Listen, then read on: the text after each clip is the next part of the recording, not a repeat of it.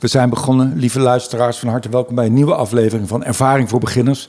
Ik zit hier met Stine Jensen. Zij is uh, filosoof in eerste instantie, maar ook uh, publicist, uh, programmamaker, kinderboekenschrijver. Um, zij studeerde literatuurwetenschap in Groningen, studeerde cum laude af. Dat is altijd fijn ook om te horen over jezelf. Fijn, fijn. studeerde filosofie. zij ging toen ook werken aan de universiteit, werd daar docent. Uh, en op haar veertigste uh, was er een moment. Ik, ik, ga een beetje schetsen van jouw levensverhaal. Dan hoef je dat allemaal zelf niet te vertellen. En dan kunnen we dadelijk iets op een andere manier ingaan op de materie. Uh, op haar veertigste um, kwam ze op een moment in haar leven dat ze niet helemaal blij was met, met, met, met hoe het ging. ze was heel hard aan het werken. Uh, zat veel in de hoofd, denken, denken, denken, denken. En had behoefte aan iets anders, aan een nieuw avontuur. Aan uh, misschien ook meer spiritualiteit. Ze ging op vrijdagmiddag ging ze een lesje yoga volgen. Ze raakte verslaafd aan yoga. Uh, ging heel veel yoga doen.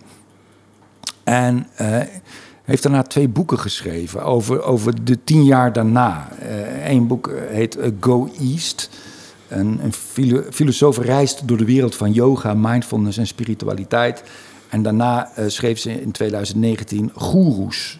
Uh, mijn zoektocht naar de verleidingen en gevaren van moderne spiritualiteit. Van harte welkom, Stine. Wat fijn dat je er bent. Ja, dankjewel.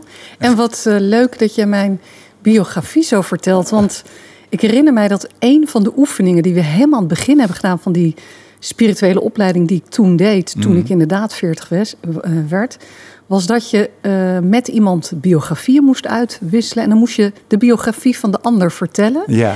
Maar aan het eind, dat deden dan twintig mensen, dat duurde enorm lang. En je hoorde allemaal woonplaatsen en weet ik veel, carrières, beroepen, aantal kinderen. En aan het eind zei de yogaleraar... Iedereen heeft het keurig gedaan volgens het CV-principe, maar je had ook kunnen volstaan met ik ben. Ja. En toen waren we allemaal helemaal stil. en daar begon die, uh, die reis toen. Ja. ja. En waar ben je? Je bent nu 50. Ja. Je bent in 1972. Um, waar, waar, waar, waar, zit je nu? Want wat ik zo boeiend vond, is dat je inderdaad tot je 40ste een alert en hoofdelijk meisje was. Een vrouw was die, die uh, ja, dus veel in haar hoofd zat. Toen ben je je, je lichaam en je geest op een andere manier gaan verkennen. Veel meer met Oosterse filosofie, ja. waar je eigenlijk mee, helemaal niet mee in aanraking was gekomen ja. tijdens je studie. Is er nu, nu je 50 bent, is er sprake van een synthese of, of hel je over naar een of de andere kant? Nou, ik vind dat een mooie vraag, want het klopt wel zoals je het beschrijft. Uh, ik was heel hoofdelijk. De hele omgeving van de universiteit is een hoofdelijke omgeving. Uh, waar het heel erg draait inderdaad om publiceren, om nadenken, om je bent gewoon je hoofd. En als filosoof is dat extra zo. Hmm. Als je filosoof googelt op afbeeldingen, ja, dan krijg je gewoon gezichten van mensen, een beetje ja. zoals jij nu zit, ja, met zo'n ja, ja, ja, de denker. Uh, de denker, zo eigenlijk, ja. En uh, zonder lijf. En, en ik denk wel dat, het, dat je het goed schetst, dat het een reis is van waarin dat meer geïntegreerd raakt, dat denken en dat lichaam. En dan hoop ik nu ja, ik zou wel. Ja, ik denk wel dat het een, meer een synthese is nu. Die twee boeken die je noemde, is één is het opgewekte verhaal, de zoektocht naar ja. het licht, en de ander is de schaduwzijde, het licht en donker. Um, en, maar, maar het is ook zo dat ik net weer een baan op de universiteit heb gekregen. Godverdomme, Stine, heb nou, je helemaal niks geleerd? Ja, in Rotterdam, ja. Uh, bijzonder hoogleraar publieksfilosofie. En ik, terwijl ik was weggegaan bij de universiteit, dus ik heb wel weer geaar, ik heb even geaarzeld. Nou, oké, okay, ik ga weer terug. Hoe ga ik het dan doen? Nou, dan ga ik het dit keer wel anders doen. Dan ga ik kijken of het lukt om niet mee te gaan in een red race. Of in, maar met een zekere ontspannenheid. Maar dat lukt ook wel een beetje. Als je dan 50 bent, gaat dat wel gemakkelijker, heb ik gemerkt. Dan ben ik. Ja, ik ben in ieder geval meer ontspannen. Want ik heb al best wel veel dingen gedaan die ik wilde doen. Ik vind dat ik aardig wat gepubliceerd heb. Dus dat je je moet bewijzen, dat, dat voelt minder. En dus ik hoop, uh, ja, die synthese vind ik, vind ik wel. Maar, je be, maar aan de andere kant is het ook zo, ik weet niet hoe dat voor jou is. Maar je hebt natuurlijk altijd bepaalde thema's in je leven. En daar mm. moet je altijd een beetje alert op zijn of opletten. Want je herhaalt jezelf. Je hebt een karakter, dus je loopt, voor je het weet loop je zo diezelfde valkuil weer, weer in. Maar ik probeer nu echt ook wel actief die balans uh, vast te houden. Door bijvoorbeeld elke ochtend yoga te doen. Ik vind het een heel mooi beeld wat je schetst. De valkuil. Want um, ben je daaraan ontsnapt? Zit je er nog in? Hoe zit het met de valkuil? um, want ik, ja. sorry dat ik je onderbreek terwijl ik je iets nee, vraag. ja. Maar want ik denk wel een heel groot thema bij jou is, wat ik uit die boeken haal, is eigenlijk overgave. Ja. Dat dat een heel groot thema is. Ja. En dat werd ook heel duidelijk in het boek Goeroes, waarbij jij op een retraite bent. Of ik weet niet of dat het juiste woord is, maar je ging daar echt heel intensief in, bij een nieuwe leraar een yoga cursus, workshop volgen. Waarbij uh, er op een gegeven moment ook nootmuskaat, dat klinkt onschuldig, maar dat is wel een, eh, een, een, uh, hallucinogeen middel in combinatie met het is, Het is niet onschuldig in grote hoeveelheden. Ja. En toen was jij eigenlijk de enige die, die eruit stapte. Ja. Terwijl iedereen daarin bleef. Iedereen was wel. Ja, nou noem ik het. Ik wil, ik wil het oordeelloos zeggen. Maar de, de rest was in staat tot overgave eigenlijk. Ja. En jij, jij, stapte, jij, jij stapte eruit. Ja. En heel, heel concreet, zit je dan nu op het level van, van controle en overgave waar, waar je wezen wil? Um, nou, ik, ik, moet zeggen, ik was van het weekend was, was ik bij een verjaardag van een vriendin. Die zit uh, meer in de coachwereld. En die had allemaal vriendinnen om zich heen. Echt een vriendinnenverjaardag. En men ging speechen en dat waren allemaal speeches enorm vanuit het gevoel. dat ja. En dat bewonderde ik heel erg. En ik, was, ik beneed het ook een beetje, want de, de, de een ja, begon zelfs te huilen en de ander had nog lievere woorden. En er werd ook gewoon gezegd, en daarom hou ik zoveel van je lieve vriendin. Allemaal dat soort teksten. Terwijl ik was al bezig, oké, ik moet zo speechen. Dan, dan moet ik eerst een grapje hebben, dan moet ik dit, dan moet ik dat. En uh, terwijl zij deden dat eigenlijk best wel vanuit dat hart. Zij komen dan uit een andere wereld, andere beroepsgroep. Misschien snakken zij soms naar meer hoofd, ik weet het niet. Mhm. Maar toen dacht ik, oh ja, nee, het is, het is een permanente oefening. Ik vind het wel leuk dat jij het woord valkuil, daar blijf jij even in hangen. Mhm. Gecombineerd met overgave. Ja. Um, want ik ben natuurlijk wel, inderdaad, is een valkuil is ook een vorm van overgave. Hè? Dat is. Mhm. Uh, en ik denk wel, nu je het zo noemt, denk ik wel dat wat ik doe als ik filosofie bedrijf, is wel altijd een beetje filosofie van de valkuil. Hmm. Dus van het struikelen. Dus er gaat iets mis in mijn leven. En dat is dan nooit alleen in mijn leven. Dat zie ik dan ineens ook altijd bij allemaal anderen. En dan ga ik erover nadenken. Wat is dat? Ik herinner me, drie jaar geleden was het thema van de maand van de filosofie was... Uh, ik stuntel, dus ik ben. Hmm. En het was nog niet aangekondigd. Of ik had echt één minuut later had ik een e-mail. Beste mevrouw Jensen, het thema van de maand van de filosofie is ik stuntel, dus ik ben. We dachten daarbij meteen aan u. Ja. Is dat een compliment? Ja. En ik keek daarnaar. Ik dacht, nou, oké, leuk, een klus. Dat begint te lopen. Maar ik dacht ook, we dachten meteen, oké, dus het was een beetje ambivalent. Maar toen dacht ik er nog eens over na. Toen dacht ik, ja, het klopt wel. Want ik begin eigenlijk wel te denken vanaf, vanaf, vanuit de struikelpunten, de valpartijen, de valkuilen. Dat, dan begint te denken. Dus niet vanuit die autobaan die 200 kilometer per uur. Ik ga zo lekker, ik zoek verder. Maar waar echt daar waar die hobbels zitten. En dat is ook het advies van mijn favoriete filosoof Donna Haraway. Die zegt ook: je moet met je filosofische billen bovenop die hobbels gaan zitten, die valkuilen, de zijpaadjes niet op die uh, snelle autobaan. Uh, maar daar waar het echt, waar je merkt, oh, ik spreek mezelf tegen. Of uh, hier loopt iets niet lekker. Daar begint het filosoferen. Dat, hmm. En dat, dat vind ik altijd wel, ik vind, vind ik een hele mooi, en wat mooi is advies. Dan in de metafoor, die snelle autobaan, wat is dat dan in concreto? Want dat vat ik dan niet helemaal. Uh, nou, als je het hierop toepast, is die snelle autobaan, is dat je bijvoorbeeld op een soort carrièrepad zit in de universiteit. En dat is eigenlijk uitgestippeld. Ja is heel duidelijk. Dan word je universitair docent, dan publiceer je nog meer, dan ga je nog een aanvraag doen, universitair hoofddocent. En dan is het een soort einddoel, eindplan is hoogleraar, zoiets. Ja. Maar op mijn veertigste uh, gebeurde er echt van alles. Ik, uh, ik ging door mijn rug. Ik kon niet meer opstaan. Ik, uh, ik kreeg een kind. Dat was ook, vond ik ook best heel verwarrend eigenlijk. Een hmm. kind in mijn leven, een klein kind, een klein mensje die echt heel veel appel op mij deed, aandacht nodig had. En ook gewoon gaat huilen en jengelen als dat niet gebeurt. Gewoon heel direct. Daar... En niet zoveel heeft aan jouw denken misschien op dat nee, moment. niet. Nee, precies. En, en dan nog die relatie. Ik, ik, ging ook ineens samenwonen. En weet je dat, omdat het kind ook... Dat, dat allemaal tegelijk. En dat was eigenlijk een soort cocktail... waarbij het lijf eigenlijk zei... wacht even, het moet echt anders. Want ik zat op die, uh, die, ja. die autoweg. Ja. En uh, toen zette het lijf mij in ieder geval uh, gewoon letterlijk stil. Ik lag echt plat op de bank en mijn rug deed ongelooflijk veel. Ik kon er gewoon niet afkomen. Ja. Ja, dus dat, dat was eigenlijk een kantelpunt. En toen, uh, ik deed al yoga. En daar was één yogaleraar geweest. En die had zijn biografie eigenlijk zoals jij begon. Jij begon mijn biografie te vertellen. En hij vertelde in die les zijn eigen biografie. En hij zei, nou weet je, ik zat in de wetenschap en uh, ging hartstikke goed. Ik ben gepromoveerd. Toen werd ik de student, toen werd ik de assistent van Lodewijk Asscher in Amsterdam, economische zaken. Het ging allemaal fantastisch. Ik en toen ging ik door mijn rug. En toen kon ik me niet meer bewegen. En toen dacht ik, moet ik zo verder? En hij zat dat te vertellen en ik dacht, hij vertelt dat voor mij, speciaal voor mij. Ja.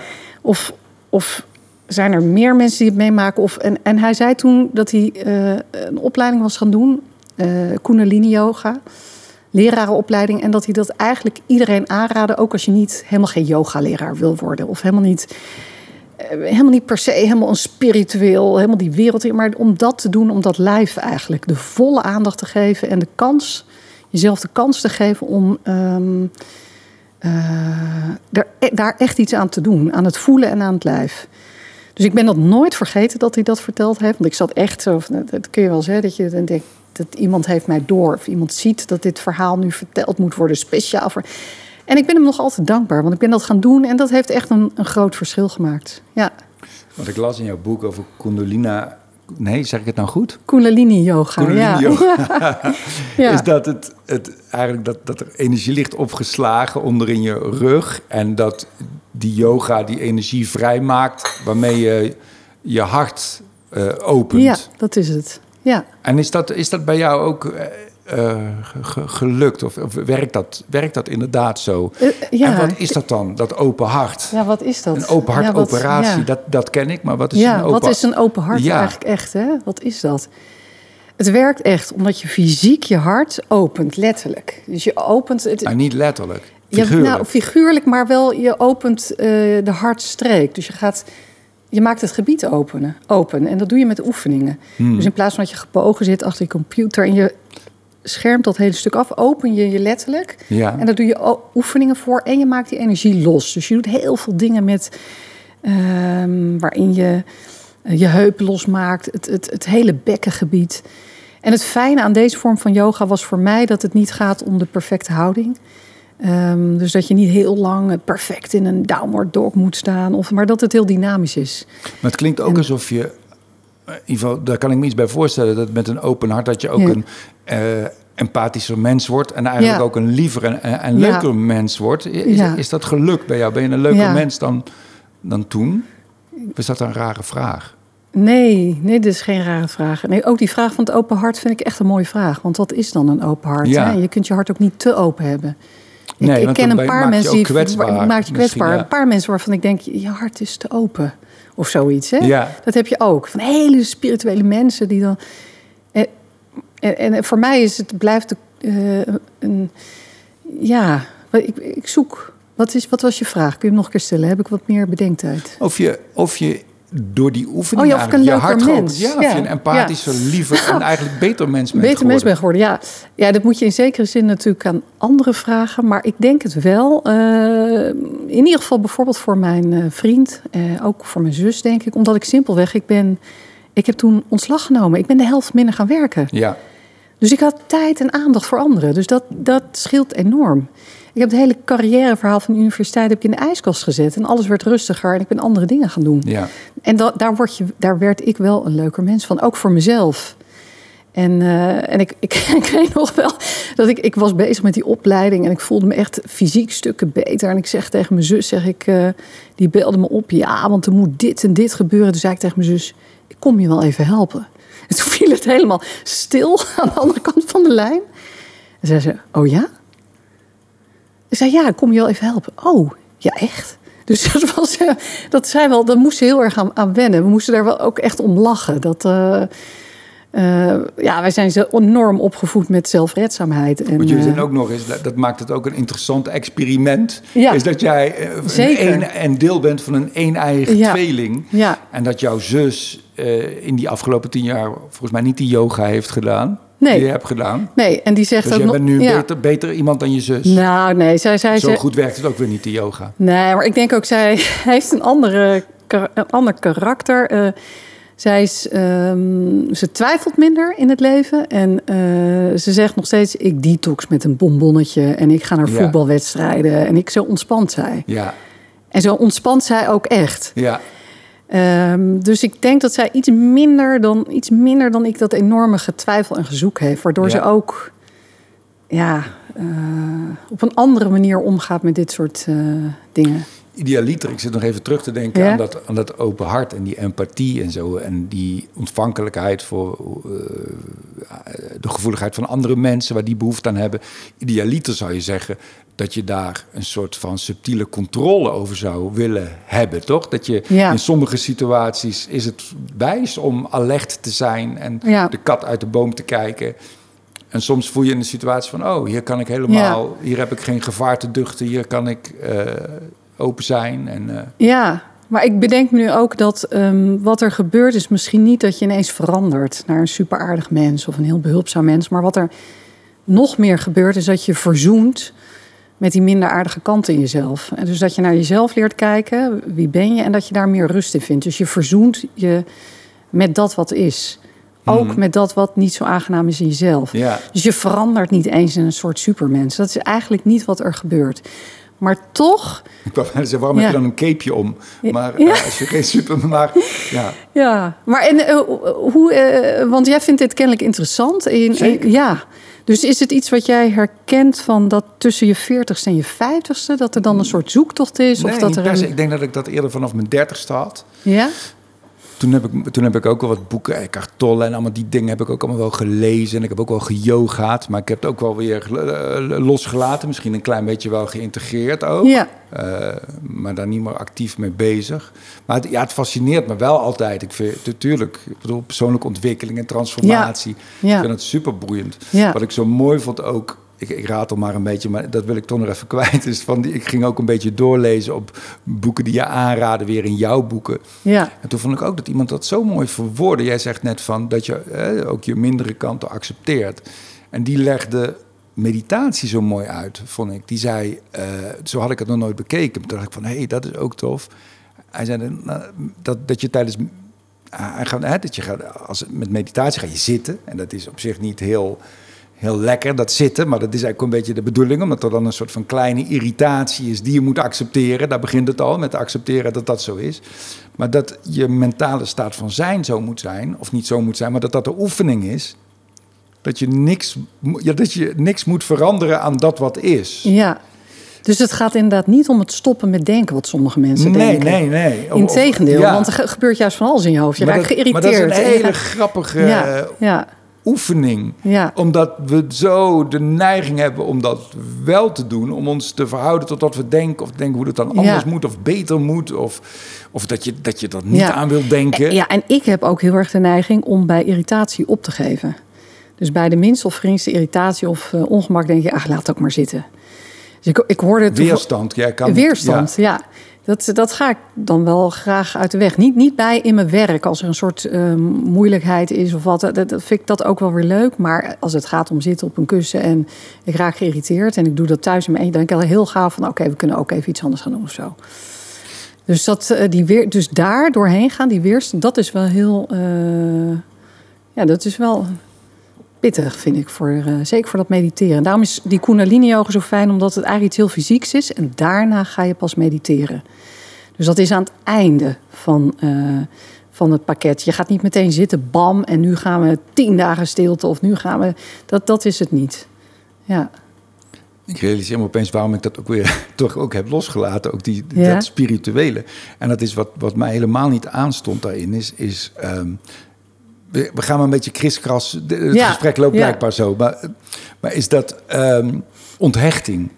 Daar Oh, heb ja. ik heel veel problemen mee. Ik wil niet onthecht zijn. Nee. Ik ben gehecht. Ja. Ik ben gehecht aan de mensen van wie ik hou. En daar hou ik veel meer van dan van mensen die ik niet ken. Ik ben gehecht aan de plek waar ik woon. En ik vind dat helemaal en ik vind dat fijn ook. En ik vind dat ook een goed ding. Dus Ja. die hele onthechting, zeg maar, in ieder geval, maar misschien heb ik de verkeerde boeken gelezen ooit. Ja. Maar dat is een weg waar ik helemaal niet. Ja. Daar wil ik helemaal niet Maar heen. ik, ik, ik- vind dat grappig, ik vind dat herkenbaar. Maar aan de andere kant, dus dan is die spirituele oefening... is je weer eh, verhouden tot jezelf leren kennen als iemand die erg gehecht is. Eh, en dan hoef je dat niet per se te veranderen, maar dan kun je het constateren. Je kunt het opmerken. Ja. En dat is het eigenlijk. Dus het is niet met, je hoeft niet, het eindpad is niet, nu ben ik onthecht. Het, het, het, is dat je, het, het is het proces dat je constateert dat je heel gehecht bent. Ik eh, eh, vond een van de merkwaardigste oefeningen die ik heb gedaan tijdens die opleiding. Ja, ik heb zoveel gekke dingen daar gedaan. ja, vertel. Maar ja, een van de gekste dingen was... eh, Het is een bekende oefening. Volgens mij is het een heel Amerikaanse oefening. Maar je moet iets weggeven. Eh, je moet iets weggeven aan een ander. Je weet niet wie het gaat krijgen. En het moet iets zijn waar je aan gehecht bent. Ja. En het moet niet iets zijn wat vervangbaar is... of wat je zo even kan bakken. Dus niet een zelfgebakken taart die dan... Hup, nee, het moet echt iets zijn waar je aan gehecht bent. En wat je van je overleden moeder. Bijvoorbeeld. Nou, dat moesten we allemaal doen. En dan kwamen die. Je moest dat inpakken en met een, iets van een briefje erbij waarom je het weggeeft. En eh, dat deden we allemaal. En ik had ook echt mijn best gedaan. Ik denk, oké, we gaan er nu ook. Nu ga ik ook iets zoeken. Dus ik had van een eh, overleden, mijn eerste vriendje is overleden, maar die had mij een klein konijntje gegeven. Super schattig. Betekent voor mij heel veel. Maar ik dacht, ik ga, ik ga dat geven. En ik wil het eigenlijk niet kwijt. Dus dat had ik gedaan. En toen ehm, ging eh, ja, de, de, de oppergoeroe, zullen we maar zeggen, de yogimeester, die had al die pakjes dingen op een schaal gelegd. En die ging dan echt zo door die kring en die gaf iedereen wat. Die voelde, denk ik, heel, weet ik veel, spiritueel wat er bij iedereen moest eh, neergelegd worden. En er waren ongeveer twintig mensen. En toen, ehm, toen, toen waren de pakjes op en ik had nog niks. Dat vond ik zo erg. Ik dacht, Ja. het, zal, het zal toch niet zo zijn dat dit mijn les is? Dat je ook niks kan krijgen en daar vrede mee moet hebben. Terwijl ik iets gegeven heb. Ehm, en gelukkig, toen kwam er nog onder, ergens vandaan, kwam er nog een vergeten pakje. Nou, maar ik, heb me daar, ik kwam mezelf daar echt wel even tegen. Eh, en het allermooiste was, dat was een boek. En er was in al die dingen, er was maar één boek. En eh, het was een eerste editie van eh Franny en Zoe van J.D. Salinger. En degene die het weggaf, die zei na afloop... "Ah, Ik was zo blij dat het bij jou terecht kwam. Want er was één persoon die dit met hart en ziel zou kunnen waarderen. En dat was jij. En het was kennelijk een boek waar hij houvast aan had. Als 14-jarige was dit zijn lijfboek. Gewoon zonder die J.D. Salinger en dit tienerboek. En dit, dit heeft hem door die hele tienertijd heen gesleept. En dat gaf hij weg, die eerste editie, die, die ja, weet je wel, die 10, 20 keer helemaal beduimeld was. Dat gaf hij weg. En het kwam bij mij en ik was zo ontroerd. Want ik dacht, ja, ik hou echt, echt van boeken. En ik vind dit zo ontzettend mooi. Dus ik heb die eerste druk, ik heb het nu ook ergens neergezet als soort herinnering. Maar ook met die les. Die les van, oh, ik ben zo gehecht en ik ben zo hebberig. En het zal toch niet mij overkomen dat er voor mij geen pakje... Dat, Ja. dat was een, eh, ja, En beschouw je het dan als Ja. toeval dat het dan bij jou terechtkomt? Of gelu- volkomen. ja, dat- gelukkig, gelukkig. Maar wel een heel schoon toeval. Maar Ja. volkomen toevallig. Ik denk niet dat eh, deze yogameester eh gaven heeft. Of nou, hij deed soms dingen dat ik dacht, oh, oké, wat hij wel had is mensenkennis. Hmm. En wat hij heel goed kon, was mensen een spiegel voorhouden. En ik kon heel snel mensen lezen, zien waar je zwakke plekken zaten. Dus je hebt leraren, bemoedigende leraren van hup, hup, ga zo door, je doet het goed, lekker, nog een keer. Nou, Dik advocaat. Kom Ja, op jongens, precies. alles geven. Ja, in de voetbal heb je twee soorten coaches. Deze van het straffen en van het belonen. Van nou, harder rennen, kom op, dit stelt toch niks Guus voor. Hiddink, arm Ja, eromheen. Precies Komt allemaal goed, Ja. jongen.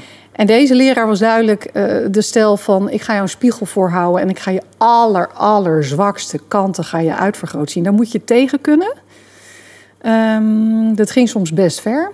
Hij kon het erg goed. Kun je er iets over vertellen of is dat te intiem? Nou, eh, ja, dat is best intiem, gek genoeg. Hè? Want dan raak je aan dus, de- dat ik dus de diepste kritiek die je eigenlijk kan krijgen op je karakter of je persoonlijkheid.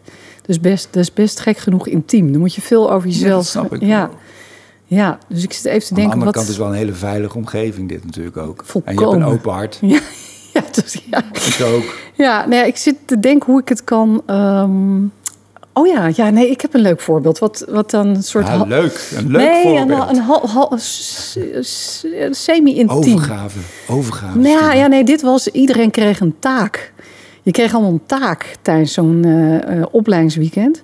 En wat had ik nou voor een taak? Ik had zo'n... Daar staat zo'n ei de hele tijd maar te tikken. Ja. En ik kreeg een gongetje en zo'n soort klokje. En mijn taak van dat weekend was dat ik iedereen met dat gongetje op tijd in de zaal zou krijgen. Dus ik was zeg maar de tijdbewaker. Eh, dus ik had en zo'n soort wekkertje, want eigenlijk moest je alle tijd een beetje wegdoen, zodat je kon overgeven. Want tijd is echt wel een soort sterk controlemechanisme. Maar ik had het gongetje en de tijd. En ik dacht, nou, dit, dit, dit kan ik. En oh, wat fijn dat ik niet in de afwasploeg zit. En oh, wat heerlijk dat ik niet om vier uur 's- eh, ochtends de... Nou, weet je wel, zulke gedachten allemaal. En, ehm, en, ik liep een beetje soort tevreden met eh, mijn gongetje en die wekker. En toen zag hij, zag mij, een soort... En toen zei hij, oh, hij zei zoiets van, oh...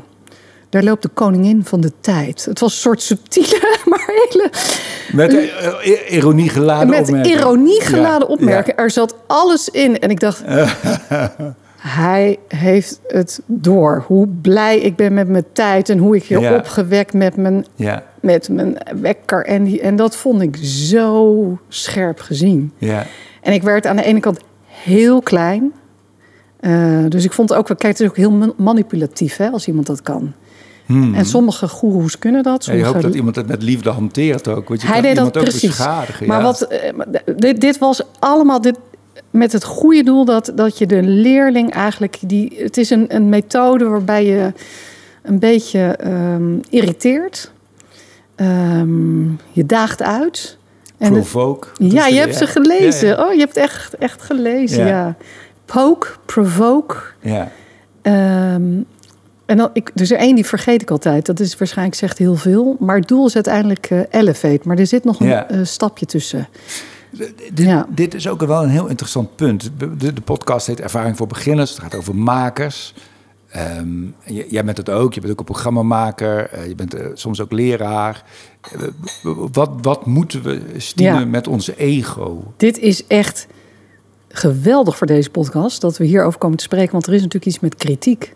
Hmm. En als je, ehm, en daar hadden we het al over, hè, van wat heeft hij gezegd tegen jou dat je, en maar ook als je dingen leert of je maakt dingen, eh, dan moet je behalve een soort open hart, moet je ook je geest echt openzetten voor kritiek. Laten we heel even proberen Ja. het ego te definiëren. Het ego, ja, want het heeft met dat ego te Ja, maken. Ja. Ik wou een relatie liggen met dat ego, omdat het ego kan eigenlijk slecht tegen kritiek. Hmm. Het e- en wat is het ego? Het- Eh, ik denk dat het ego is, eh, zoals ik het zou definiëren, is dat het, het verhaal dat je over jezelf vertelt en graag in stand wil houden. ja, dat, dat is het. Ja. En dan is er. ehm, ik, ik denk dat meditatie kan je helpen om dat een beetje stop te zetten. Omdat wat dat doet, is het traint de frontale kwap. En zet het de verhalenvertellerij stop. Gewoon fysiek in je hersenen. Dat is hetgene waar je rustig van Ja. wordt. Je mocht zo ge- geen romans meenemen hè, naar die retraite, omdat dat ook weer dat verhalen had ik, zijn. en dat heb ik dan. En, zo mag kinderig, dat ja. deed ik dan juist wel. Ja.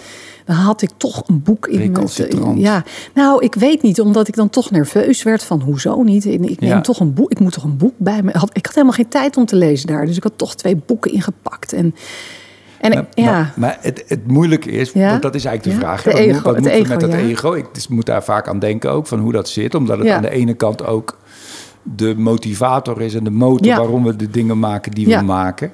Dus Eh, ik, maar het kan ja. ook iets heel lelijks worden. Eh, het is precies, en dat is het. Hè? Dus eh, zoiets als zo'n yoga-opleiding. Het is niet tegen het ego of anti-ego. Het gaat over het gezonde ego. Maar wat is dat dan? En jij noemde al andere boeken die ik noem in mijn boek. Hmm. Een geweldig boek is dat van André van der Braak. Goeroes en charisma's. Goeroes en charisma, maar ook Enlightenment Blues. En hij definieert echt zo mooi wat dan dat midden is. Dus dat ego wat ehm, zich laat verleiden tot... eh, eh, ja, wat niet meer tegen kritiek kan. En een gezond ego. Ja, en het, blind is ook, hè? ja, en dat, maar ook het tegenovergestelde. Een te weinig aan ego, waardoor Ja. je eigenlijk misschien door middel van overgave uitlevert. En een muisje wordt. En een muisje ja. wordt en dienstbaar wordt. En dat is ook niet goed. En wat ik heel eh, interessant vond zelf als het gaat om dat ego... is dat er een aantal vaste verleiders zijn voor mensen. Waardoor je ehm, je ego dan te veel gevoed kan worden... en waar je alert op zijn. En ze zijn voor de meeste mensen dezelfde. Of die valkuil. Er zijn vier valkuilen. En dat vond ik zo interessant toen ik, toen ik hoorde dat dat eigenlijk dezelfde zijn.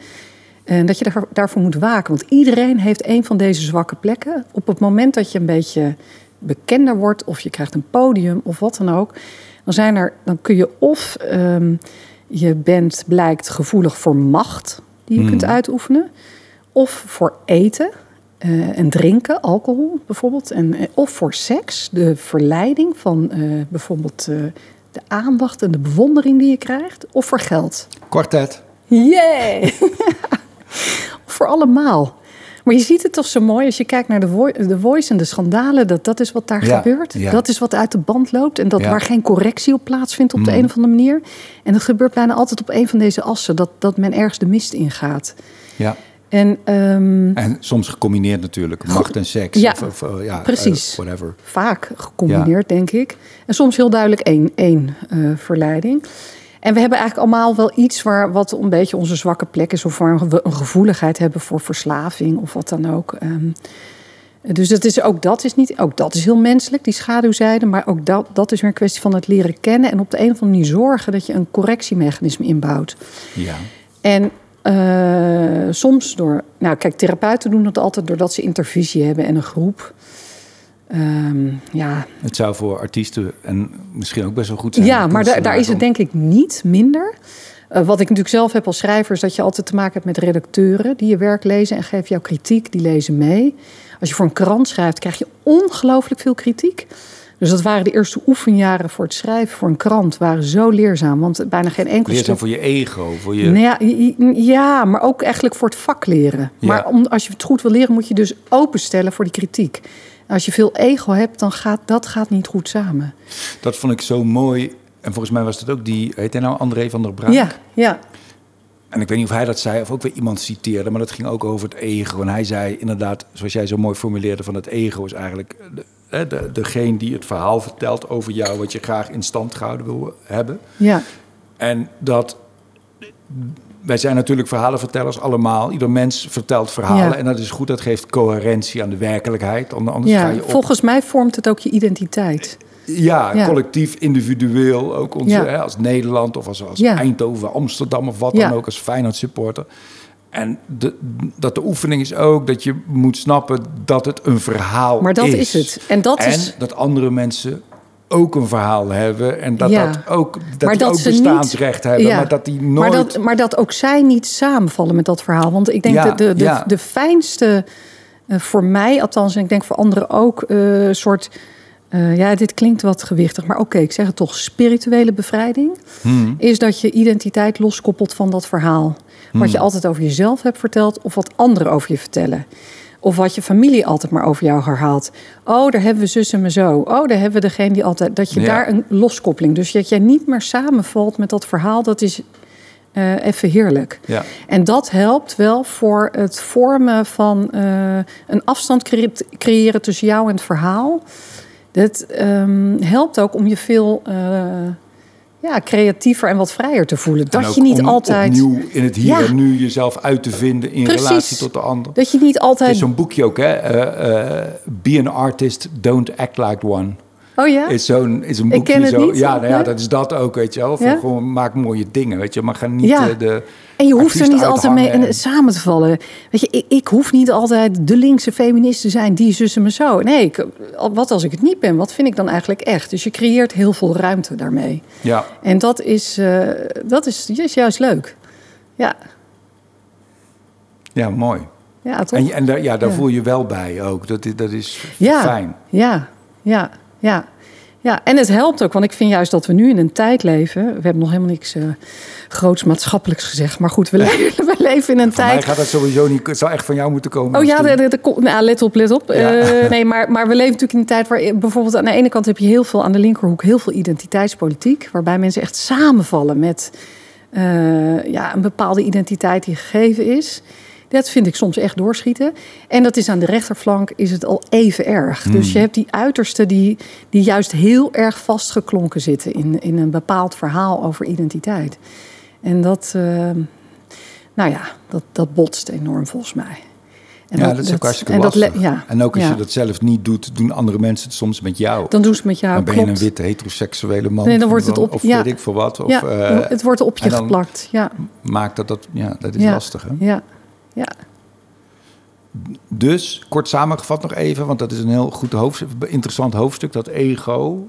ehm, die, ja, dus je, je afstand nemen, ja, afstand nemen is ook wel moeilijk. Ik weet Je- helemaal niet meer wat ik erover geschreven heb, maar ik heb een eh, heel hoofdstuk over het ego. Het maakt ook niet Ja. uit wat je erover geschreven hebt. We zijn nu in het hier en nu aan ja. praten. Nee, je zei interessant hoofdstuk en ik dacht, oh. Nee, ik weet niet. Misschien zei ik het verkeerd waarschijnlijk. Nee, het, is gewoon, het kwam het allemaal. Ik. Het staat er allemaal in. Ik, ik, ga het nog eens herlezen wat ik. eh, Het is wel iets voor jou. Ik denk dat je er wel wat aan kan hebben in die boeken. Maar het is inderdaad die identificatie hè, met, met, Ja. dat, met dat verhaal wat er over jou bestaat. Of je dat nou zelf Ja. vertelt of anderen. Ja. Dat, dat is, dat is eh, ja, ander begrip vind ik ook interessant. En ik denk dat je. Ja, ander Nee, nee, begrip, nee, sorry. Nou ja, ik zat nog even te zoeken, want ik denk dat het hangt ook een beetje vanaf in welke beroepsgroep je zit, hoe, hoe hardnekkig dat eh, verhaal over jou dan wordt. Mm. Eh, kijk, als filosoof ben je, heb je relatief veel vrijheid. Dan zit je niet in een soort beroepsgroep waar nou enorm eh, gestickerd wordt. Dus, eh, nou, oh, ben je nee, ook een specifiek soort filosoof, toch? Ja, misschien, ja oké, misschien ook wel. En ja. Met een paar, sommigen met ja. een paar quotes. Nee, want of- op het moment dat ik dit soort boeken ging schrijven, was ik niet meer die academische Nee. filosoof, om maar iets te zeggen. Ja. Nee, en veel kunstenaars die spelen natuurlijk ook heel erg Ja, met die identiteit. identiteit, Eh, comedians, eh Ja, eh, cabaretiers bij uitstek. ja, Dan, dan, dan vertel je helemaal dat verhaal. ja, ja. En ik, ja, misschien daarom ben je zelf wel meer bewust van dat het verhaal wat je vertelt in je show niet per se jouw ja. echte verhaal is. Dat het En een mensen performance dat is. soms. Ja, ja. Non- Non-dualiteit is ook zo'n begrip, hè, wat er eigenlijk hiermee te maken heeft. En wat ik ook altijd heel grappig vind, inderdaad, aan die linkse identiteitspolitiek, die super, die aan de ene kant Ja. eh, non-dualiteit of non-binair, het non-binaire propaganderen, terwijl ze Er wordt veel aan de andere kant zo binair zijn als de neten. Ja, Oh, ja. en daar hebben ze ook eh, volgens mij ook last van. Tuurlijk, In, eh, ja. Er ontstaan ruzies in partijen, Ja, nou ja, kijk wat er bij- bij één gebeurt, precies. inderdaad. Ja, Nee, I get- Ja. it's just a silly phase I'm going through, denk ik. Het eh, nummer van 10cc, het zal een fase zijn. Ik hoop dat het over een paar jaar, dat we verder zijn daarin. En wijzer. ja. ja. En non-dualisme, ja. Ja. Nou ja, dat is eigenlijk ook... Ja, ik weet niet of we het daar... Nee, weet ik ook niet. Nee, we hadden het net... Want dat, Ja. nu, nu valt weer dat begrip wijsheid. En dat vind ik ook mooi. Want dat is natuurlijk eigenlijk... Je bent filosoof, wijsbegeerte, de begeerte naar wijsheid. Heb jij... Doordat jij een afslag hebt genomen eigenlijk aan die Oosterse filosofie... Hè, op je veertigste... Ben je... Heb je daardoor ook wel met de zeven mijlslaarzen... Ben je, ben je verder gekomen op dat pad van wijsheid... Mooie vraag. Ehm, ik. Ja, dat is een moeilijke vraag. Ik denk dat je natuurlijk wel ehm, je openstelt voor andere begrippen en concepten sowieso. Dat maakt je wijzer. Maar ik denk dat ik niet zozeer altijd door wijsheid werd gedreven, maar heel erg door waarheid. En ehm, daarom denk ik ook dat ik een heel boek over liegen heb geschreven, bijvoorbeeld. Ja. Omdat ik merkte dat, eh, en dan komen we wel bij wijsheid. Ik vind dat wijsheid vind ik zo'n super groot woord. Ik weet wel dat wijsbegeerd is de liefde voor de wijsheid. Vind ik eigenlijk zo mooi ook. Ja. En dan moet je dat doen door middel van het vragen stellen. Alles is er mooi aan. Ook het begeren. Ja, Ze heeft ook iets, sensueels bijna. Of Ja. iets, heel lijfelijks ook. Iets, Ja. iets een, echt een... Dat is echt heel mooi, mooi woord, ja. En dat is natuurlijk... Kijk, in zekere zin is dat pad van 40 naar 50 is wel dat. Dat is die poging om wijzer te worden. Mm. Om die, oh ja, eh, precies. En ik Ja. denk dat ik altijd iets meer soort gedreven werd door, door waarheid. Ehm, dan, dan door wijsheid. Maar dat ik nu wel, ik hoop dan dat het nu dan allemaal wat wijzer is. Ja. Ja, ja. ja. Ja, waarheid, dat is ook wel iets heel... Dat Ja. is, dat, Nee, maar dat is eigenlijk een beetje, dat klinkt dan ook weer heel groot, maar dat is eigenlijk heel banaal. Dus dat ik merkte dat sommige mensen om heen gewoon supergoed kunnen liegen. En dat ik dacht, ja, maar ik ga altijd, als jij zo'n vraag stelt als net, denk ik we gaan altijd. het niet over je relatieproblemen hebben. Nee, nee, nee, bijvoorbeeld Nee, gewoon. Het- Dat mens, nee, helemaal. Oh, dat denk jij dan. Dat is jouw Nee, dat is associatie. oh grapje nee, ik denk het. gewoon een soort hele soepele leugentjes. eh, Ja. van, eh, dat, dat gewoon, ja, dat, dat. Ja, En dat, en, of, ja, of bijvoorbeeld bij. doen alsof het goed met je gaat. Of dat nou, soort dat, maar ook bijvoorbeeld bij het dat Nederlanders kunnen het gewoon heel goed. Is dat zo? Ja, dat vind ik wel. En ik merkte toen we dan, ik, dit was al toen. Vergeleken ik, met Denen. Want jij bent ja, eigenlijk uit maar ja? dat is hoe noordelijker je komt, hoe, hoe ernstiger ze je vraag beantwoorden, hoe, hoe meer ze je aankijken van ja, ik ga echt antwoord geven op je vraag. En ik ga je niet proberen en te entertainen. Ken je Karl Ove Knausgaard? Ja. Ja, die heb ik wel- Noor, hè, Ja, die. Noor. Ja. Die heb ik één keer geïnterviewd. Ja, ik vond het een, een soort over open hart gesproken, open hartoperatie dat interview. Want hij keek me bij iedere vraag aan. Hij nam die vraag tot zich en ging er oprecht Ja, en direct en de waarheid zeggen. ja. Hij, zei, hij hield misschien dingen achter. Hè. Hij, zegt ook in zijn boeken niet alles. Maar ik vond zo'n schok. Maar ik wist het wel, want ik had al een keer een serie gemaakt over Noorwegen. En hoe noordelijker je komt, waarheid voor de schoonheid. Pas op wat je zegt. waarheid Ik voor zou het dit heel racistisch kunnen duiden. Hè, als ik zou Ja? willen wat je nu zegt. Dat hoe noordelijker Oh, we komen. nou. hoe integer dat de mens is. Nee, ah, ja, jeetje. Nee, je kunt toch ook zeggen hoe zuidelijker je komt, hoe meer tierlantijnen, schoonheid, feestvreugde en Zeker. Bourgondisch. Ja, ja. Ja, nee, die kun je ook anders inkoppen. Dat, eh, nee hoor, geen zorgen voor. Eh, nee. Ja. Dus, dus dat merkte ik bijvoorbeeld toen ik ging afzwemmen.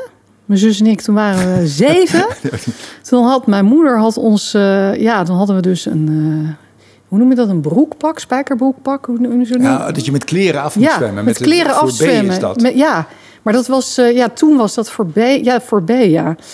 En dan hadden wij hadden loodzware schoenen aan en hadden een overal en, en een Vollopende zwaar- laarzen, ja. ja, vol in de laars en alles. En kwamen al die Nederlandse kinderen aan en die hadden Slippertjes. Slippertjes, die waterslippers, ja. superlicht, heel dun t-shirtje. Die hadden helemaal niks aan. Ja, En, eh, en wij- wij, za- wij kwamen er, ja, wij schaamden ons heel erg. Want eh, ja, je bent zijn eigenlijk van een drieling. Want toen is één zusje van jou ja, die toch?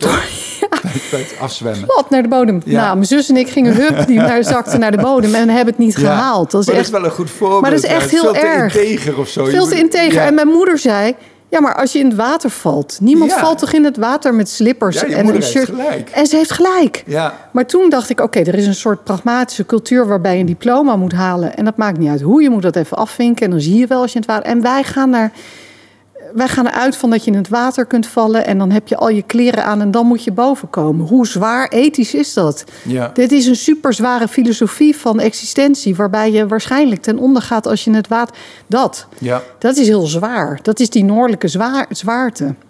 Wat Ja. zou dat fijn zijn, hè, Stine, als wij Ja. in staat zouden zijn als mens, en misschien zijn we dat ook wel een beetje, om ons palet eigenlijk, in al die kwaliteiten die er zijn, want jij schetst dat net mooi, van noord naar zuid, het zijn in wezen allemaal kwaliteiten Ja. met ook tegenkanten, Ja. om dat te vergroten en om in staat te Maar zijn vind- om zo integer en open te zijn en om op een hele charmante, grappige manier te liegen, en, en, Ja. want dat, dat is ook leuk, Ja, of, of, ja. of, of vol te leven in het moment, Ja. en soms ook bedachtzaam te zijn. Ja.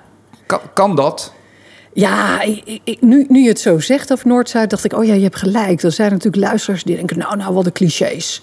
Noord-Zuid en dan ook nog eens over die aardbol. En, eh, maar het- hoe leuk is dat, al die kwaliteiten? Ja, dat. En ehm, eh, ja, want ik heb echt die mensen beneden die heel charmant kunnen liegen. En die met heel veel verbeeldingsrijkheid echt eh, dat kunnen. Maar is er Ja. hoop? Kan de mens, kunnen wij Ja. individueel Want- en collectief, kunnen wij ons verbeteren? Is, is er hoop voor de mens? Kunnen we wij, wijzer worden? Ja, natuurlijk kunnen we wijzer Ja. worden. Eh, daar zijn. Eh, natuurlijk kan dat. Zijn we wijzer aan het Er, is, worden? er zijn bibliotheken vol, er zijn mensen om mee te praten. Je ja, kunt dat op denk ik ook. Ja, reis maar, gaan. Maar, maar zijn we wijzer aan het worden? Heb je het idee dat we wijzer aan het worden zijn? Ik, ik hoorde dat we in twe- 2040 of zo... dat de helft van alle Nederlanders chronisch ziek is. Dus we hebben en volgens mij Ja. best wel informatie over wat we, we- moeten eten. Maar inderdaad, de supermarkten liggen ook vol. Zoals de bibliotheken ook vol liggen met mooie boeken. Ja, nee, wat- dat, ja, ja, wat- dat klopt. Eh, De crisissen stapelen elkaar op. Eh, het is niet alleen dat, maar we zijn dan niet alleen volgevreten. En eh, we, zitten ook onder de zeespiegel dan als Nederland. En misschien zijn we er zelfs niet meer als we zo doorgaan. Maar is Ehm, filosofie in die zin niet veel te onbelangrijk? Is het niet veel belangrijker het is veel dan belangrijker. het nu en vo- wordt? voornamelijk omdat de belangrijkste kwaliteit van filosofie is toch dat wat je kathedraaldenken kan noemen. En dat is het langetermijndenken. Dus denken Mhm. met je. eh, met je, ja, al de generaties die na jou komen, jouw achter, achter, achterkleindinkeren, kinderen in gedachten. Hmm. Zo'n lange termijn perspectief. En daar je handelen van nu op aanpassen. Dus dat is de filosoof Ramme Knarits die het daarover heeft, over dat kathedraaldenken. En filosofen zijn daar meestal wel goed in. Ja, dat geloof ik ook. Ja. En Vooral ook omdat ze heel vaak, eh, dat vind ik altijd heel, dat zijn mijn favoriete filosofen, zijn de filosofen die eigenlijk een beetje tegenintuïtief gaan denken.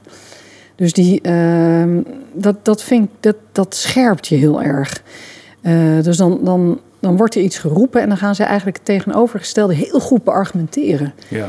En dat, dat houdt me altijd heel scherp. En ze schetsen vaak ook lange termijn perspectieven. En ze zitten vaak niet alleen vast in, het, eh, in wat die dag eh, in het nieuws zit. Ja. Dus de korte hype of de, de En- korte en- crisis, de En korte mogen baan. ze zich genoeg bemoeien dan met beleid? Want dat, daar gaat het dan toch ook over. Dat het in concreto ook omgezet wordt in beleid. Dat, die, dat lange termijn denken. Dus in de politiek.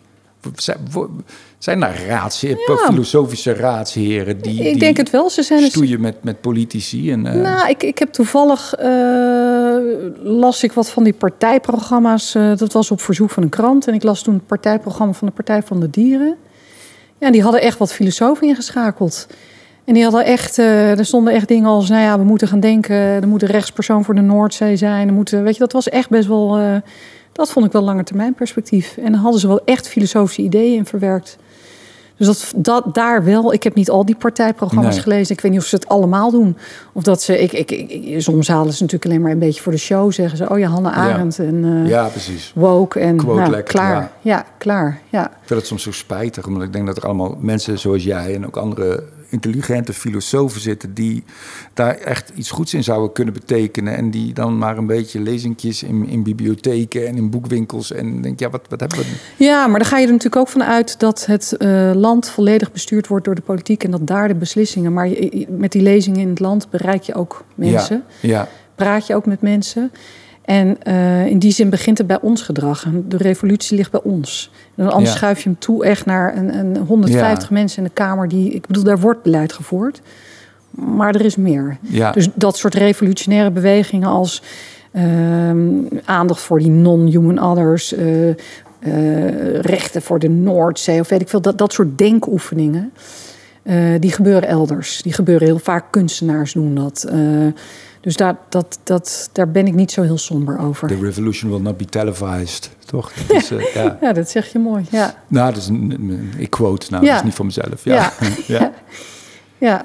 Zijn er dingen die we, want we gaan nog even terug weer naar de, van- van 40 tot 50. Hè? Je, hebt, je Ja. hebt daar heel veel inspanning. Je hebt het allemaal gedaan. En dat is natuurlijk de enige manier om het allemaal te ondergaan en er echt de lessen uit te destilleren. Misschien ook vanzelf. Dat doet je geest of je lichaam. Dat geloof ik ook. Weet je, net als je, weet ik veel, moet leren tennissen, moet je dat heel veel doen. En op een gegeven moment gaat je lichaam dat snappen en wordt dat vizier steeds scherper. En door, door te doen leer je. Maar zijn er ook voor mensen zoals ik die dat niet voor elkaar krijgen om te gaan zitten en te mediteren?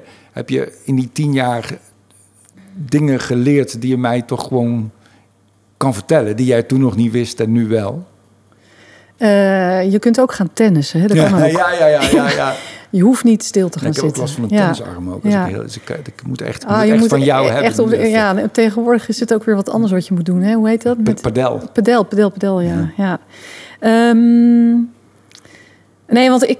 eh zennis, dat heb je dus ook. Meditatie-tennis. Eh, Echt? ja, je kunt...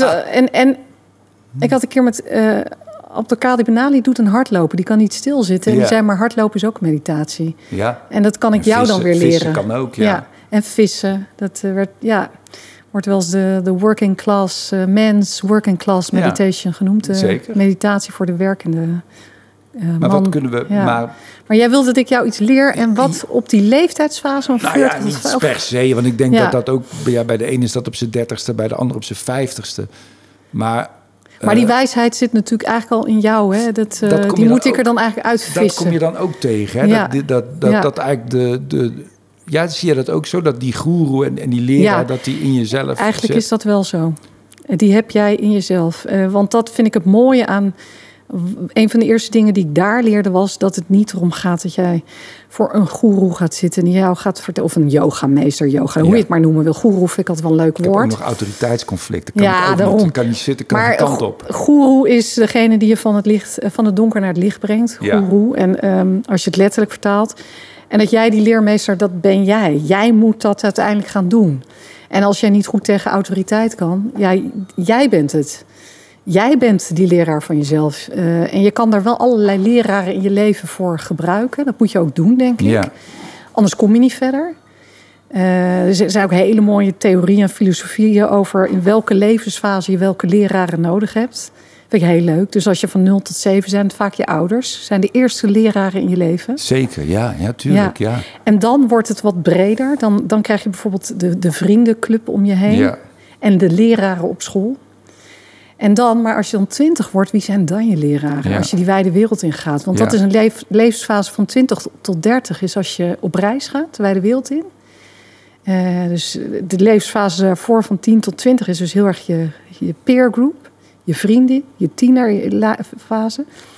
En wat is het dan van 30 tot 40? Ja, veel mensen beginnen dan wel met het gezin. En leren Hmm. daar weer allemaal anderen niet hoor. Maar dan krijg je meer dat balans, werk, gezin, dat. Eh, dat is bij mij wat later, tussen 40 en 50 Bij is dat ook. gekomen. Maar ik heb daar ook wel Ja. veel geleerd, ja. Ik ook, ja. Ook je plek, eigenlijk. Ja. En dan misschien- heb je ook weer andere leraren. En de- toen had ik behoefte aan weer aan. Ik had al zoveel, eh, weet je wel, academische leraren voor mijn neus gehad. Of weet je wel, eh, boeken gelezen. Ik had toen behoefte aan wat anders. En dat waren leraren met een ander type wijsheid. Eh, zoals en die- uit die. wa- was dat nou een antwoord op je vraag? Nou, die wijsheid, het ging eigenlijk nog even over die wijsheid in jezelf. Daar ben ja, ik benieuwd van. die Wat, wijsheid is, in jezelf. wat zijn de... Ja. eh, wat is dan je kompas? Of waar moet je op Ja. letten? Of waar moet je... Moet je, moet je alleen maar jezelf gadeslaan en het daarmee doen? Of moet je naar je lichaam luisteren? Wat, wat, wat is je... Wat is je leren in kompas? jezelf? Wat, wat- waar moet je op letten? Ja, ja. Want je krijgt natuurlijk zoveel informatie binnen. Je denkt van alles. Ja. En, je, en Ja. heel veel van die gedachten zijn tegenstrijdig. Ja, en natuurlijk zullen verschillende beroepsgroepen verschillende antwoorden geven op die vraag waar je op moet letten. Hè, dus de lichaamstherapeuten zullen natuurlijk meteen zet- zeggen: jij moet op je lichaam letten. Dat is de beste Ja. aanwijzer voor waar ja, wat te leren hebt. Eh, heb je veel hoofdpijn, buikpijn, weet ik veel wat. Eh, dus dat is ook zeker een, een, een leraar, je eigen lijf, je eigen lichaam, denk ik. Ehm, je kinderen kunnen je leraren zijn, want die zullen je zwakke plekken in no time gevonden hebben. Hmm. Dan zit je weer op je telefoon of. eh, Ja. Ehm, en ik denk toch voor een deel eh, kun je, ehm, heb je echt wel die wijsheid ook in jezelf. Je weet wat je zelf te leren hebt, maar soms ga je het uit de weg. Maar er zijn natuurlijk allerlei middelen, oefeningen, manieren om erachter te komen wat datgene is. Eh, als je bijvoorbeeld, ehm, ik zal ik één voorbeeld geven over eten. Graag. Dat vind ik nou wel grappig. Als je zo'n zo'n opleiding gaat doen, dan is er ook één week die je doet die gaat over eten. En ehm, over hoe je omgaat met eten. En dan moest ik één oefening moesten we daar doen. En dat is een oefening die iedereen kan doen. En dat is dat je moest opschrijven wat je de hele dag eh, eet.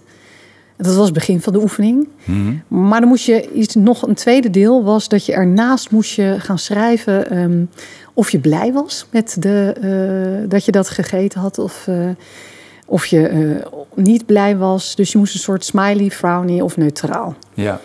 Ik had zelf die oefening gedaan en ik had, ik had alleen maar smileys. Dus ik had, oh leuk ontbeten. Oh, zo was zo'n hoogtepuntje Ja. van de, oh koffie gehad. Nou, weer Ja. zo'n heerlijk punt. Nou, dat was gewoon één lijst met, eigenlijk met, en dat ik dus zag, ik kreeg in beeld dat iedere keer dat ik dat, dat soort eetmomentje, dat dat voor mij een beloning is van je welste Ja. een smiley. En wat dat laat zien, wat de les is, en die heb ik had kennelijk zelf nog niet zo gelegd, maar zo'n simpele oefening brengt het gewoon in beeld, was dat eten aan emoties gekoppeld. Mhm. Daar was ik niet echt bepaald onthecht. Nee. En het ging er niet per se om dat ik dan het volgende moment onthecht eh, moest raken, maar vervolgens moesten we wel een dieet gaan doen. Ja, dat was voor mij best wel een kwelling. Als je zo'n Ja. lijst hebt waarin, Ja. het, waarin je van beloning naar beloning Ja. Ik heb hier ook, ik, heb, ik kon hier twee drankjes bestellen. Ja, heel hebberig. Heel, ik heb het allebei hier, maar ik heb het meteen besteld. En Ja. ja. Eh, dus is dat een voorbeeld waarvan jij denkt, ja, eh, want jij vraagt eigenlijk hoe kan ik de Nou wijsheid in mezelf aanboren? Ja, dat. Ja, en ik zit nu wel... Nee, dat is een goed antwoord. Het is dus jezelf gadeslaan ook. Ja, En het registreren in de juiste instantie. leraren en weerstand daarbij opzoeken. Dus Ja. iemand die jou wel die spiegel voorhoudt. Ik geloof er echt in. Ik geloof echt niet dat jij wat gaat leren als je naar iemand toe gaat en die zegt: ah, Theo, dat was echt weer dat, dat optreden, dat was weer helemaal geniaal. En eh, trouwens, eh, wat je nu ook weer, weet je dat? Dus dat je alleen maar Ja. dat, eh, Ja. dan, dat voedt je Dat hoor je ego. wel eens, ja. Dat mensen zich dan omringen met ja-knikkers, Ja. weet je wel. Dus dat, dat, dat is het niet, denk ik. Eh, de juiste leraren. Je moet ook natuurlijk niet weer alleen maar de, degene die helemaal af gaan maken, vernederen. Maar dat, dat is het ook niet, dat bedoel ik helemaal niet.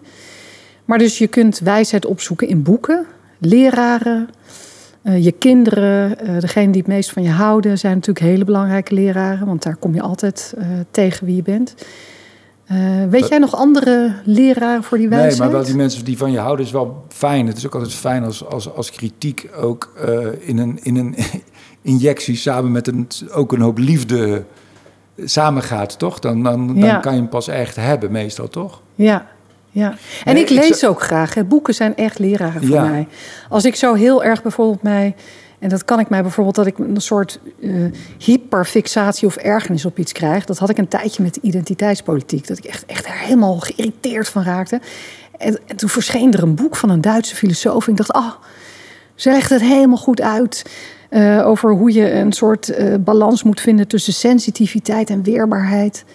En ik had toen net een, een kinderboek, was door een sensitivity reader, had ik teruggekregen. En daar was het woord dik doorgestreept. Het woord dik, dat kon ik dan niet. En ik zat, Ja. al, ik zat helemaal op mijn stoel van eh, dik, dik. Het was een filosofisch voorbeeld uit een, een historisch voorbeeld. Ik kon het woord dik niet schrappen, want er werd een dikke man op een rails gegooid Ja. in dat voorbeeld. Ja.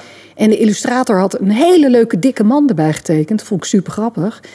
Ja, en ik toch nadenken. Sensitivity reader. Ik, Ja, maar ik, Ja, ik neem het ook ja, serieus. Hè? ja. Ik, want soms word ik wel degelijk gecorrigeerd op echt dingen dat ik denk, goed gezien. hoe, ik wou bijna Ja. zeggen van, who corrects the sensitivity reader? Ja, Maar- ja, dat doe je Ja. zelf. Ja. Dat ben je zelf. Maar Dus ik, ik merk dan, oké, is de opwinding die ik voel terecht? Of wordt er iets in mij geraakt? En dan vind ik zo'n boek van zo'n Duitse filosoof... dat helemaal uitlegt in welk tijdvak sensitiviteit, weerbaarheid... die uitzoomt en die een groter perspectief biedt. En dus die, dat soort boeken zijn voor mij echt leraren. Dat ik dingen kan begrijpen. Waarom wind ik me er zo over op? Er stond er laatst nog één voorbeeld. Er stonden laatst drie mannen op het dak van mijn moeder... en die waren bezig haar op te lichten. Die gingen een soort nep. Was verschrikkelijk. En ik heb me zo opgewonden. En stelletje oplichters. En, oh, gaat de tijd bij? Kan ik er Nee, nog zeggen? Ja. En toen dacht ik, maar wat gek. Ik heb me over Siewert van Liende helemaal niet zo opgewonden. ja. Ik begrijp dat heel Nederland zich daarover opwindt. Ja. Maar ik heb het gehad over tweede kans. En over hoe kan het dat de opwinding van die mannen... die drie mannen op het dak van mijn moeder... vergeleken met die drie mannen met 9 miljoen... de Nabijheid, toch? Je moeder. nabijheid mijn moeder, dat. Maar ook, ik vond toen een geweldige studie... Dat, die verklaart waarom we dus eh, eh, bepaald type oplichters... veel zwaarder eh, aanrekenen dan dit soort witte boordcriminelen op afstand. Geweldige studie uit criminologie. Die dit helemaal, dat is helemaal uitgezocht. Je kan het bijna niet bedenken of er ligt een prachtige wijsgerige studie die het. Het is er allemaal. En ik vind het zo fijn dat ik zo'n boek vind. Wat helpt iets te verklaren. Het lost het niet op, maar het plaatst Ja. iets. En dan heb ik een soort kader. Ja, wel waarheid en Mooi, wijsheid. balans tussen sensitiviteit en weerbaarheid. Geweldig boek. Ze heet geloof ik Sven, Svenja en dan iets met een K. K- K- Een Duitse, prachtige Duitse naam. Maar ze heeft een hele... Over dik gesproken. Ik moet denken Eh, Dik. aan een verhaal van mijn mo- moeder heel lang geleden... die ooit bij haar zus naar binnen ging. En het was donker in huis en ze waren dia's aan het kijken van vakantie. En mijn moeder zag een dikke vrouw op het strand liggen in een bikini. En mijn moeder zei, die kende die vrouw niet, die zei... Jezus, als je zo dik bent, dan trek je toch geen bikini aan? En het was al een beetje stil in de kamer. En toen ging het licht aan. En toen bleek die mevrouw, die bleek in de kamer te zitten. Dat was een vakantievriendin van mijn tante. En, eh, en mijn moeder zei, ja, Sorry dat ik het heb gezegd. Als ik had geweten dat je er had gezeten, had ik het niet gezegd. Maar ja, ik vind het wel. En toen kreeg mijn moeder uh, twee maanden later een brief van die vrouw. Dat ze heel, mijn moeder heel dankbaar was dat ze dat had gezegd. En dat ze uh, met haar ogen keek. En ze was, weet ik veel, 30 kilo afgevallen. En ze voelde zich veel beter. Oh. Soms moet er ook iets gezegd Ja. worden dat iemand Jouw dik moeder is. heeft, is die, Tuurlijk. is die, die Come leraar on. geweest, die spiegel. Die, Ja. ja. ja. Maar als cabaretier heb jij een vrijbrief. Jij kan het. Je hebt dat podium. hè. Maar Jij hebt een, je kan in een rol kruipen. En dat is de rol van cabaretiers Ik weet niet of ik een vrijbrief ben. Ik zit, oh, Nu al. Maar dit... je- je- toch? Nou ja, ik sta bijvoorbeeld, ik ben ook een beetje, zoek maar eens op, op, op, op Netflix naar mijn naam. Ik sta er niet meer bij. Ik, ze hebben mij eruit geflikkerd omdat ik in mijn vorige programma eh, met bepaalde gedachten heb gespeeld. En dat, dat mocht blijkbaar niet, of dat is niet oké. Oh ja, die, die voorstelling Dus- heb ik gezien, ja. dus dat- ja. nou ja. Ja, ik vond dat heel grappig juist. Ik zag Vond het als een spiegel. Ja. Ja. Fijn gesprek, Stine. ja, heel anders dan ik... eh, is het met je hart? Is het, is het opener eh, geraakt in dit gesprek? Of eh, ehm, hetzelfde? Ja, weet je, eh, ik, eh, ik- ehm, ja, ik, ik- ooit had Martin Siemek een interviewprogramma. Zeker, ja. En toen, daar werkte toen toevallig Gijs Groenteman. Ja, weet en, ik, ja. ja. En die had mij toen gebeld, en want ik zou dan gast zijn. En toen belde hij me later op, zei hij... "Eh, Stine, ik heb een vervelende mededeling, maar we moeten je afzeggen. Want Martin Siemek vindt je niet emotioneel genoeg. Hij is bang dat je veel te redelijk bent en in je hoofd zit. en ik ben het nooit vergeten. Ik was natuurlijk super eh, beledigd. Ik dacht, wat is er mis met mijn verstand? Ja. Hier is dus een vrouw met verstand. En dus ik werd super emotioneel aan de telefoon. Toen zei ik ook, hoezo geen emotie? Ik loop ervan over. Ik probeer het te onderdrukken met wijsheid. Ik heb er te veel van, emotie. Dus ik, ik ging helemaal los. En ik ben het eigenlijk nooit vergeten. Ik dacht, het is... ehm, was ook een grappige les op een bepaalde manier. Dat ik dacht, ook mensen zien mij dus als iemand die... eh, zo zag hij mij. Vanaf dat moment vond ik Martin Siemek ook een vreselijke, hyper-emotionele... Dat, dat, dat is de laatste bij wie... eh, ik was natuurlijk eigenlijk was mijn ego gekrenkt. En ik heb er nog heel lang over nagedacht. Staat mijn hart wel genoeg open? Ben ik wel emotioneel genoeg? Maar ik vond het vandaag wel, ja... Ik ben altijd een beetje bezorgd dat het te open was. Ik vind jou een mooie vrouw. Oh, dankjewel. nou, leuk. Ja. Balans, ja.